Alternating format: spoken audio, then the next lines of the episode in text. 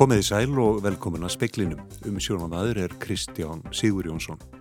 Horfur eru á að halli af rekstri landsspítala um áramót verðum miljardur króna. Stjórnendur spítala segjast leita allara leiða til að leysa bráðavandan en fjármagn og varnabla þurfi einnig til að dæmið gangi upp.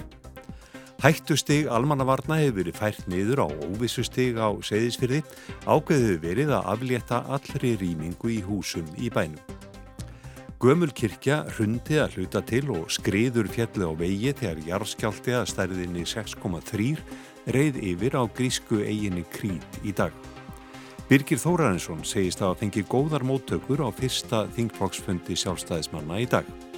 Og heimamenn í árninsreppi á ströndum hafa í allan dag aðstóða áhöfnin á varskipnu Þór við að fjarlæga yfir 50 grind kvala ræ úr fjöru í reppnum. Framkvæmda stjórn og forstuðumenn landsbítala Háskóla sjúkrahús funduði í morgun til að leita allra leiða til bóta á ófremdar ástandi á sjúkrahúsinu. Settur forstjóri landsbítalan segir, segir stefna í eins miljars króna halla um, áramóta, um áramót. Lausna, fjármaks og mannabla sé þörf. Og ég finn til mikillar ábyrðar sem uh, settur forstjóri uh, í 80 daga og eh, ábyrðin er mín og við munum reyna að samkvæmt öllum okkar leiðum að eh, reyna að koma í veg fyrir að þetta haldi svona áfram. Og við áttum fundi í morgun, eh, strax klukkan 8, frangotastjórn og fórstöðumenn til þess að reyna að fara yfir það hvað við getum sannlega gert. Rakel segir mikil vonbrið að hjúkrunar heimili með 9-10 rýmum í ögurkvarfi hafi ekki verið tekið í nótkun eins og til stóð. Það hefði létt á kúpnum en nú eru tæplega 100 manns inniliggjandi á sjúkrahúsinu sem ættu að vera annar staðar. Vonir séu bundnar við að lausn finnist á því. Við þurfum að ná sátt e, e, við ytra umhverju landsbytala og innra því það er bara þannig að við viljum að fólk komi á bráðmótökunum sem sannlega þanga þurfa að fara. Og það má ekki vera þannig að sjúklingar e, og skjólstæðingar vegri sig við að koma, þeir sem þurfa sannlega að koma. En við þurfum að, að, að eh, spýti lóna og, og hérna reyna að leysa það sem við getum leist. Sagði Guðlaug Rakel Guðjónsdóttir, Ólaf Rún Skúladóttir talaði við hana. Lauruglustjórin á Östurlandi hefur ákveð að aflétta allir í rýmingu í húsum á Seyðisfyrði og hættustig almannavarna hefur verið fært niður á óvissustig. Lauruglan á Östurlandi tilkynnti þetta síðdeis í dag. Í gær var rýmingu aflétta hluta en ekki í fimm húsum. Henni hefur nú verið aflétt einnig. Mælingar og aðtóganir á vettvangi sína að sprungur hafa opnast undarfarna daga og hryggurinn gliðnað. Þannig hafa líkur aukist á að hann brotni upp. Falli hann fram mun hann að líkindum fara í nokkrum stykkjum. Alla líkur eru taldir á að varnargarðar og sapþró leiði skriðuna til sjávar án þess að valda tjóni á mannvirkjum ef til þess kemur.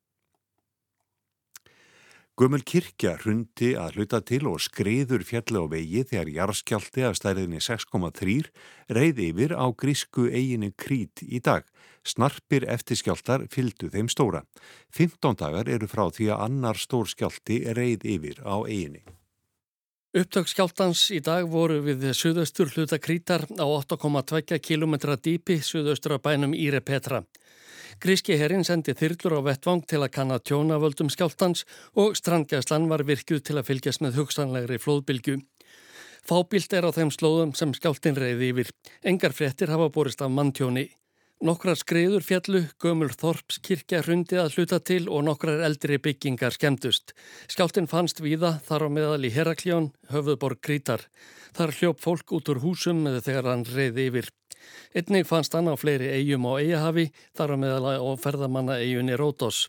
Skjálti á stærðinni 4,5 reyði yfir á hafsbótni í grend við eiguna Karpathos skömmu eftir þann stóra á Krít.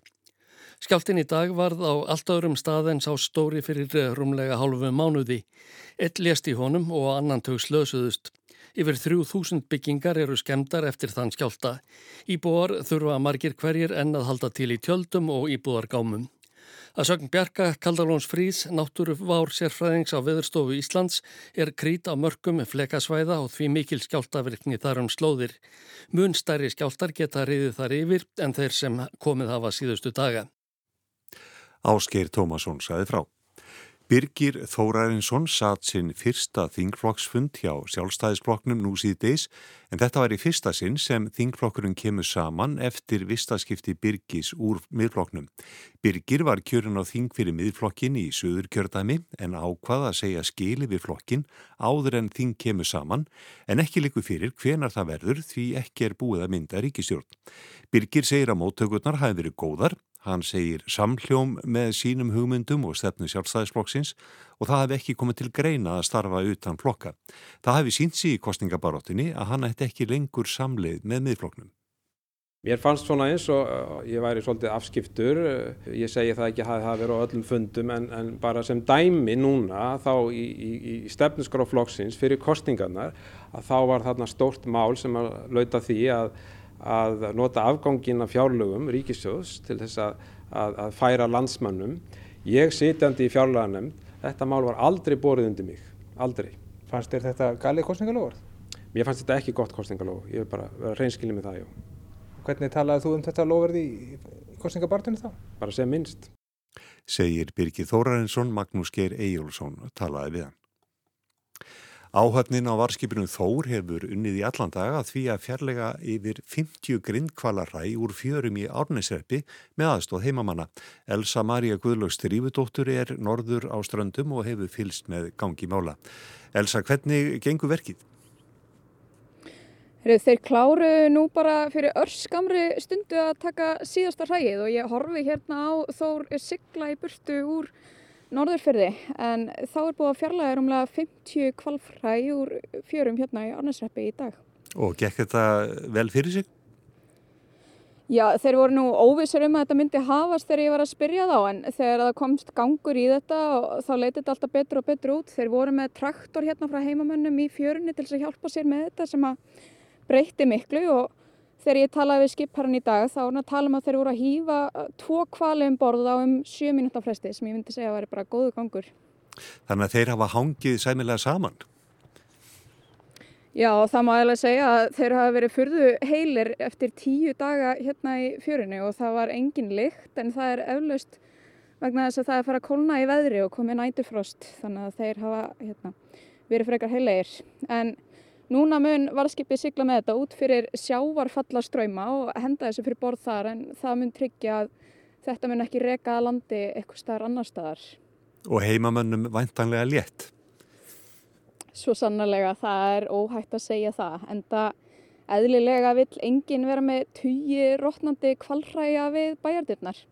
Það er alltaf að horfa í kringu sig núna. Ég stendi Melavík þar sem voru rúmlega 30 ræ hérna í byrjun dags og þetta er allt annað. Hérna, já, náttúran er eins og hana á að vera núna. Takk fyrir þetta Elsa Maria Áströndum.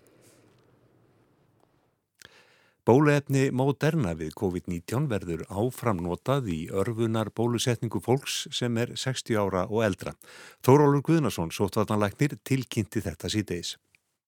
Í síðustu viku var nótkun á moderna efninu stöðuð að fullu hér á landi á meðan beðið var frekari upplýsinga um tengsl við hjarta vöðvabólgu. Í nýri tilkynningu sótvarnalæknis segir að óbyrt gögn frá Norðurlöndunum gefi tilkynnaða líkur á hjartabólgum séu mun meiri fyrir fólk á aldrinum 18 til 39 ára eftir bólusetningu með moderna heldur en bólusetningu með Pfizer efninu. Hjartabólgur séu mun sjálfgjafari eftir bólusetningar hjá eldrafólki. Yngra fólki sem hefur fengið eitt skamt af moderna efninu verður bóðið að ljúka bólusetningu með bóluefni frá Pfizer og körlum 18 til 39 ára er sérstaklega ráðið frá því að fá moderna bóluefnið. Ákverðinin um að nota moderna efnið aðeins fyrir 60 ára og eldri verður endurskóðuð ef upplýsingar koma fram um öruga nótkunn þess hjá yngra fólki. Hildur Margret Jóhannsdóttir tók saman. Íbúar á dvalarheimilinu hlýð á Akureyri lendi í öðru sæti í alþjóðleiri hjólreiðakeppni sem haldinu var í september. Vissmenn voru mjög metnaðafullir og sumur hjóluðu oft á dag. Hjólreiðakeppnin er haldin ár hvert og er á milli hjókrunarheimilum heim allan. Í ár tók yfir 200 lið þátt með um 5.000 þáttaköndum frá 11 löndum. Þetta er í fjórðaskipti sem hlýð teku þátt og besti árangurinn hinga til. Ásta Þorsteinsdóttir sjúkraþjálfura hlýð heldur utanum verkefnið. Við höfum verið í þarna þriðja og fjóruða og fymta seti áður en núna lendum við í öðru seti. Hvernig útskýrur hennar góðan árangur ár eftir ár? Við hefum verið svona bara að vinna okkur hægt og sífandi upp en það má fyrst og fremst að þakka svona liðsandanum, liðsheldinni. Ásta segir að mikill metnaður hafi verið meðal þeirra rúmlega 60 þáttaknenda frá hlýð sem tóku þátt og voru hjólinni stanslusri nótkun frá 8 mótnana til 5 á daginn. Liðið hjólaði samtalstæpa 12.000 kílometra á þeim fjórum vikum sem keppnin stóð yfir. Hjólinn 5 sem hægt var að nota voru um setin. Það þurfti alveg að skipilegja það þannig að allir getur hjóla svona eins og þeir vildu. Já, já, það voru margir sem vildu koma ofta á dag. Ásta segir að hjólriða kapparnir og hlýð mun að sjálfsögðu koma sterkir til leiksað ári og ef til vill hreppa fyrsta sætið. Anna Þorbjörg Jónastóttir tók saman og talaði við Ástu Þorsteinstóttur.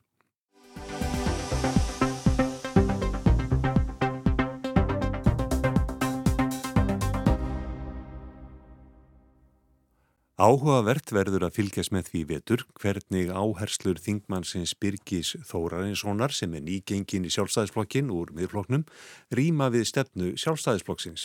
Þetta segir Birgir Guðmundsson stjórnmálafræðingur. Hann telur að brott hvarf Birgis mögulegan fyrirbóða upplausnar miðflokksins. Formenn ríkistjórnarflokkana þryggja, framsóknarflokks, sjálfstæðisflokks og vinstri reyfingarna græns frambóðs hafa heist nokkrum sinnum og halda því áfram. Láta lítið uppu um gangviðrana og alls ekkert um skiptingu ráðanita eða verkefna millir flokkana. Allt sé þetta þó í miklu bróðverðni. Í morgun var kynnt könnun maskinu sem sínir að mikill meiri hluti eða um 58% aðspurðara kýs helst að Katrín Jakobsdóttir verði forsatisráð þeirra. Miklu fleiri en þau 10% sem vilja Sigurðinga Jóhansson í forsatisráðanitið eða þau tæpa 8% sem nefna Bjarni Bjarnar Bendiktsson. Það er morgun ljóst að þau Katrín Bjarni og Sigurður ætla að taka sér góðan tíma í að ræða um stjórnamyndun og líklegt jafnvel að ekkert gerist næstu vikurnar eða fyrir ennum mánamótin. Undir það tekur Birgir Guðmundsson, stjórnmálafræðingur og prófessor við Háskólan og Akureyri. Ég held að það sé bara alveg löggrétt og ég held að þeim sko, muni aldrei klára þessar stjórnamyndunum við fyrir en sko, það liggur fyrir hvernig alltingi verður skipað sko, endanlega og fyrir utan það sko ég held að þeim líður bara ákveðlega vel í þessu samtali sko, og uh, þau vilji ganga frá þessu þannig að, að, að þessi nýttir lausir endar. Ég reikna með því að, að þessi stjórn sé, hún er það sko lí, lang, lang líklegasta í stöðinu og það sé aðrir kostur eru ekki eða fyrir engan uh, af þessum þrejum flokkum þar að segja.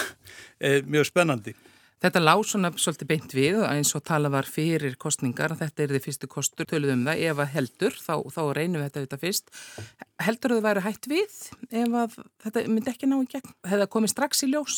Það er nú kannski ekki alveg vist sko, ekki sérstaklega líka því að þessu óvissað er sko, en það er einlega allt sem bendir til þess að þetta sé sko hvað sem líður þessum yfirlýsingum fyrir kostningar sko, að þá sé þetta það sem er kannski hérna svona líklegast í stöðunni sko, ef maður bara svona aðeins skoðar þetta í ljósi fræðana sko um samstöpustjórnir að þá er þetta sem sé, uppfyllir þetta flest skilir því þannig lagað að, að þetta er sem sé það sem kalla stundu lámar sigur samsteipa hvað flokka var þar sko þannig að þeir eru ekki með að burðast með einhver auka flokka þannig inni sem er mikið. Og svo er það náttúrulega þessi menning og niðurstaða kostningana það er þessi samstagsvilji sem hefur komið fram og svo í þriðlagi sem ég held að sé mjög mikilvægt og miklu mikilvægara heldur um enn hafa oft vilja að vera láta að það er spurningin um óvissu í stjórnarmyndunum. Óvissa er, er alltaf talið mjög mikil stórt atriði þegar að menn er að búa til bandalög og í þessu tilhölli að þá held ég óvissan þar að segja þau við treysta því að hverju þau ganga og uh, skipla flokkana, þetta eru gamli flokkar sem byggja á gamlu merk í rauninni sko, þó FG séu svona kannski svona í, í, á setna lífi. En skipulagið er sko ekki endilega þetta lárétta líðræðislega eins og oft er kallað í dag. Skipulag sem er miklu kannski kvikara og, og, og, og slikt þannig að öryggið í, í samstarfinu er, er sko mikið. Það sem að gæti trublað er auðvitað sko þessi breyta uh, svona þingd í eftir kostningarna valda hlutullin að en manni heyrist það svona á því litla sem að hefur spurst út að mann sé að vinna í því að búa til kannski eitthvað innviðar áðuniti eða eitthvað slíkt sem að framskommundi þá sækjast eftir.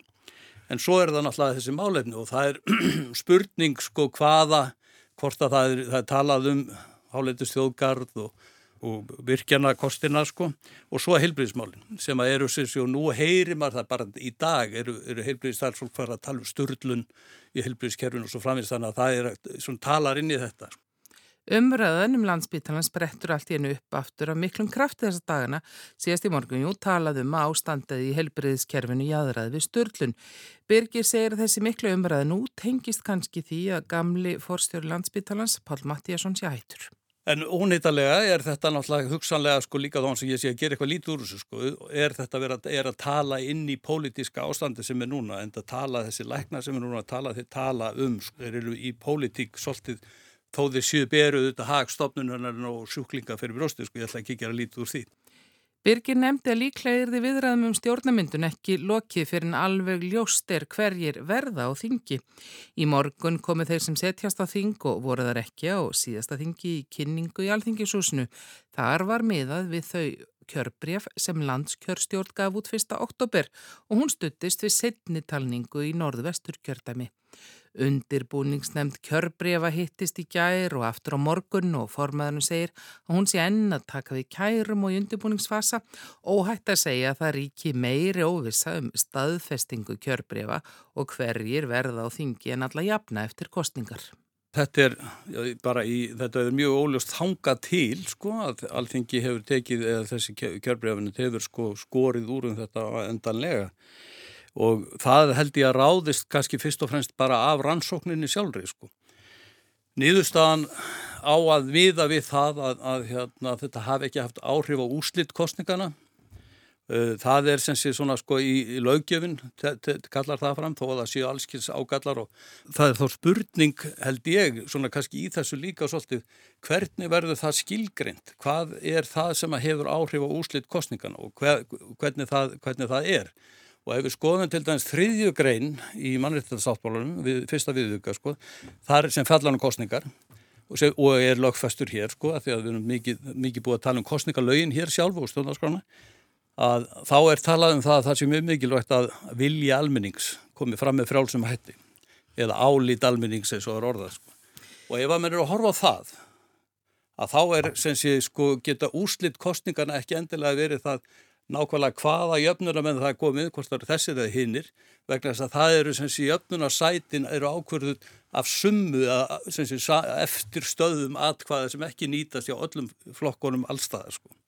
Þannig að það, ekki, það er ekki tengt personum. Vilja almennings kemur þá fram þannig en auðvitað er það líka hægt að tólka það þannig að það eru tilteknir einstaklingar sko. Það, þetta er svona áhugavert að sjá hvernig, hvernig hérna, kjörnefndin fer í þetta sko. En maðurinn skilst nú reyndar að hún sé að sko, skoða mjög vel mannreittadómstólinn eða dóminn í Belgíu um daginn og, og reyna að tikka í öll bóks eins og einhver orðaða sko, sem að gerðar voru aðtóðsendur við þar til að þetta sé sko í, í góðu lægi. Flokksstyrkurinn endur spekli og vilja almennings en mikið hefur rætt undarfarnar daga um vistaskipti Birgis Þóranssonar sem var endur kjörn á þing fyrir miðflokkin í söður kjördami. Hann tilkynnti um helgina að hann var í gengin í sjálfstæðisflokkin og reynda líka næsti maður á lista á eftir honum ætlaði að fylgja sér þangað þó að annað kemi ljós í dag. Birgir mætti svo á sinn fyrsta fund með þingflokki sjálfstæðismanna í dag. Það er ekki einstæmi að þingmenn skipti um flokka en tímasetningin nú svo skömmu eftir kostningar hefur vakið mikil viðbröð. Góða það sé áður en þingi kemur saman og í rauninni bara er þetta tilkynnt um leið og kjörbreyðin hafi verið afhengt sko. Og þetta er í sjálfu sér sko, hérna, væri ekkert stórkostlega fréttland ef þetta væri á miður, jú þetta væri þetta fréttland ef þetta væri á miður í kjörtjónabili en, en einhvað síður sko er það, það nýja í þessu er hvað þetta gerir snemma og að þetta hefur í rauninu svona hluta til, virðist vera, gerst fyrir kostningarnar. Að, að hérna óanæjan sko sem að Byrgir hefur líst er sem sé á sér þá kannski er náttúrulega marga, rætur lengt langt aftur í tíman að klaustursmálunu og, og sem sé þetta sé, hann, svo hann lýsir svo þá er þetta fyrst og fremst bara afleiðing af því. En þetta er sem sé þá spurning sko var þetta þá fyrirfram ákveðið eða ætlaðan aldrei að fara í miðflokkinu eða eitthvað þá, þá upplifa menn einhvers konar tilfinningu um, um svig sko gagvart kjó, hérna, kjósendum eða kjósendum miðflokksins. En ég held að, að hérna það sem að er og skiptir þá máli í þessu sko er, er þessi tímaröð að, að þú ert hvenar alþingismenn sangað stjórnarskráni eru ekki bundnir af uh, nema bara við samfaringu sína og ekki bundnir af sko einhverjum leikareglum kjósendast eins og segir í, í greinni en sko nú er hann bara eila rétt orðin alþingismæður sko og hérna ekki eins og búið að fá staðfestingu á kjörbreyðinu sko þó að það sé, leikir svo sem enginn var á því en það er sem sé þá hvort að þetta er, er fyrirfram. Og þá er sem sé spurningin kannski fyrir utan það hvað mannum finnst uh, hérna svona sviðferðilega um þetta þá er þetta örgla fullkomlega lögmætt sko. En það er eins og sporreitnilega spurningin er í þessu hvað, hvað þýðir þetta fyrir til dæs miðflokkin og hvað þýðir þetta fyrir sjálfstæðisflokkin sem eru svona leikarar í þessu líka sko. Að ég menna er þetta til margsum það, ég held að það sé tvent sem getur verið hérna, kakvart miðflokknum, annars er, er þetta til margsum einhverja svo mikla upplöst í flokknum þannig að hann sé sko og, og, og tapið eða útreiðin eða hvað við um kalla sem útkoman úr kostningunum hafi verið með þeim hætti að hann sko eigi það bara hættu að leysast upp eins og oft gerist um svona flokkar sem að koma tiltulaði byggðir í kringum einn mann. Eða hvort að þetta getur sko og það er kannski alveg í stíl við söguflokksins þjappa mannum meira saman að þeir, það hefur verið sem sé þeir hafi beittir einhverju rángindum þarna og, og svo framvegs og það kannski blási einhver líf í það en ég þykir reyndar sko líklegt að þetta muni hafa freka leikvað áhrif á á starfflokksins og, og, og svona til lengri tíma. Það vekur líka aðtegli Birgis að nafni hans Þóransson fer í sjálfstæðisflokkin en ekki í framsóknarflokkin. Fyrir hann gengdi hann trúnaðastörfum áður fyrr, var meðal annars varaþingmaður framsóknarmanna fyrir um tíu árum og í landsstjórn hans fram til 2013. Hann fer þarna beint í sjálfstæðisflokkin sko og sjálfstæðisflokkurinn hefur náttúrulega verið svona stór pólitísk kirkja með mörgum vistaförun svo maður notur nú aðeins líkingamál hérna en hérna ekki samt sko upp á síðkastið síðan svona setni ár að eftir kreppu að þá hefur náttúrulega sjálfstæðarflokkur að draga saman og kostningaransóknir sína að það er að sortirast svolítið fylgið í á marga flokka eins og þetta hefur verið hérna að, að kvíslast. Þannig að það er ekki vist að það séu endilega svona margar vistaförur hjá í sjálfstæðisflokknum þannig að maður velti fyrir sig sko er eitthvað sérstakta rými fyrir eh, kristingildi í sjálfstæðisflokknum sko eins og hann er í dag sko hvort að það er þá auðvitað eftir að koma í ljós. En hérna ég geti vel trúið því að það var margir í sjálfstæðisflokknum sem teldu það að kristugildin væri sko ekkit endilega svona íhaldskristin heldur miklu frálslegri og frálslindari við þorf sko gagvart fóstureyðingum og, og öðru slíku sko En þetta er náttúrulega einmitt eitthvað kannski sem hún bara eftir að koma í ljós í störfum þingsins þegar, þá og þegar það kemur saman. Nákvæmlega og ég held að það verður forðilegt að fylgjast með því hvernig hann rekst þarna inni eða hvernig það gerist og hvort að það er ennþá sé, þessi breyðfylgjing eða hvort að menn vilja hafa sé, meiri flokksaga þarna sko. Sagði Birgir Guðmundsson, Anna Kristín Jónsdóttir rætti við hann.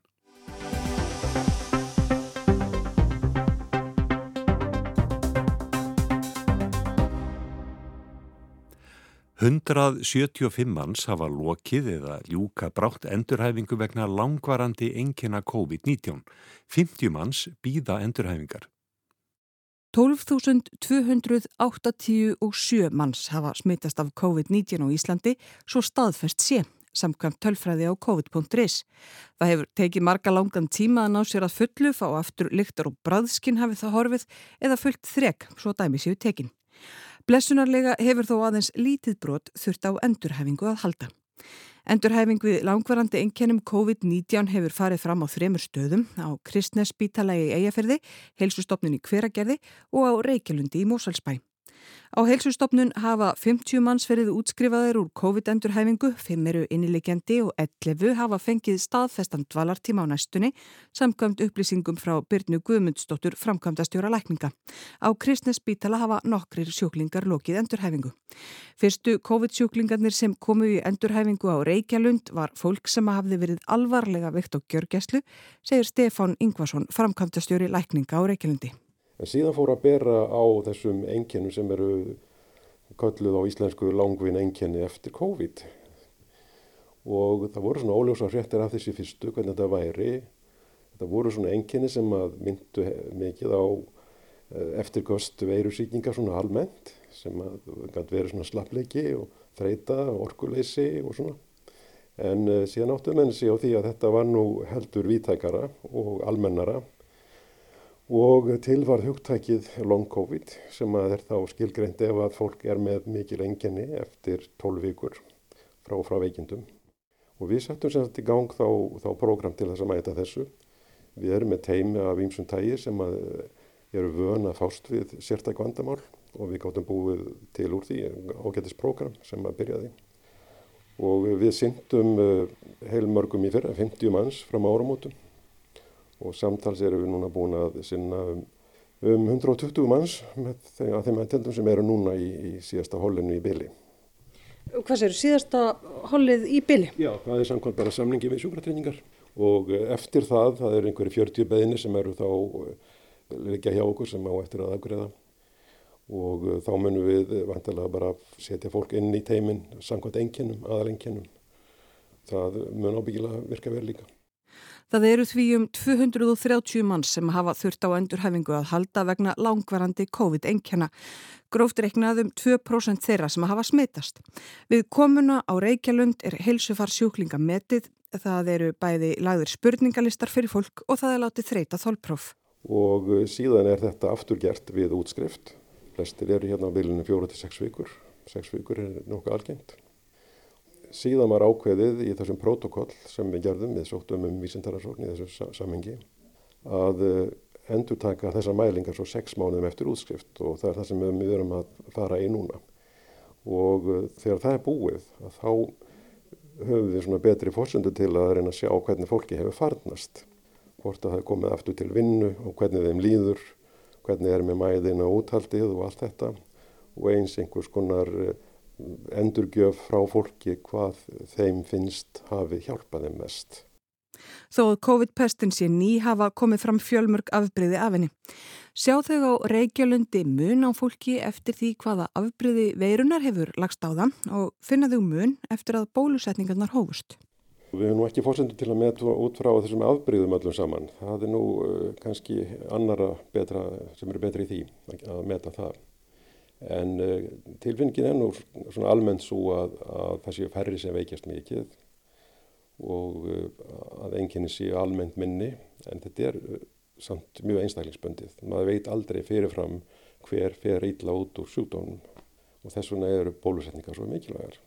Og þið eruð alveg að sjá fólk sem var bara hraust fyrir veikindin Já, og kom eitthvað út úr því. Og á allum aldri, flestir eru nú á aldrinu svona 40 til 60 ára sem að vera að koma hingað samt. Þannig að fólk er að, er að koma úr vinnu, óvinnufært í raun og veru og það eru þetta alveg hlutur.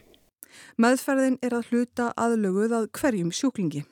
Þó að líkamlega þjálfun sé mikilvæg alltaf, að þá skiptir máli hvernig hún fer fram og eitt af því sem einkennir svona veikendi er það að fólk getur verið algjörlega úrvinda eftir áreinslu daginn á þur. Þetta kemur mjög greinilega fram í, í þólprófum sem verður til að skerð hér. Og það sem þarf að gera er að það þarf að skamta álægið og það er mjög mikilvægt að því sé stýrt og að fólk var ekki fram úr sér. Og síðan eru þessi, við veitum kallaðu hugrænu enkenni sem að er þessi heila þoka og kvíði og deburð og allt sem fylgir því að lenda í þessu að það eru þá ímis námskeið sem við getum búið upp á og, og líka einstaklingsmeðferð ef þarf, bæði hamnámskeið, núvitund og ímiselt fleira sem að verður að verkværum til sjálfsbjargar sem fólk getur tekið með sér og haldið áfram með. Sagði Stefán Ingvarsson, frangvandastjóri lækninga á Reykjalundi, Ragnhildur Tólásíus, rætti við hann. Það var helst í speklinum hjá okkur í kvöld að horfur eru á að halli á rekstri landsspítalam áramót verðum miljardur króna. Stjórnendur spítalans segjast leita aðra leiða til að leysa bráðavandan en fjármagn og mannablað þurfi einnig til að dæmið gangi upp. Hættusteg almannavarna hefur verið fært niður á óvissustig á segisfyrði ákveðu verið að aflétta allri rýmingu í húsum í bænum. Gummilkirkja hrundi að hluta til og skriður fjalli á vegi þegar jarðskjálti að stærðinni 6,3 reyði yfir á grísku eiginu Krít í dag. Birgir Þórarensson segist að fengi góðar móttökur á fyrsta þingflokksfundi sjálfstæðismanna í dag. Og heimamenn í árnæsreppi á ströndum hafa í allan dag aðstóðað áhöfnin á varskipinu Þór við að fjallæja yfir 50 grinn kvalarhæ úr fjöru í hreppnum og verkinu er nú lokið. Fleirir ekki í speklinum í kvöld, tæknimar í útsendingu var Jón Þór Helgason, veriði sæl.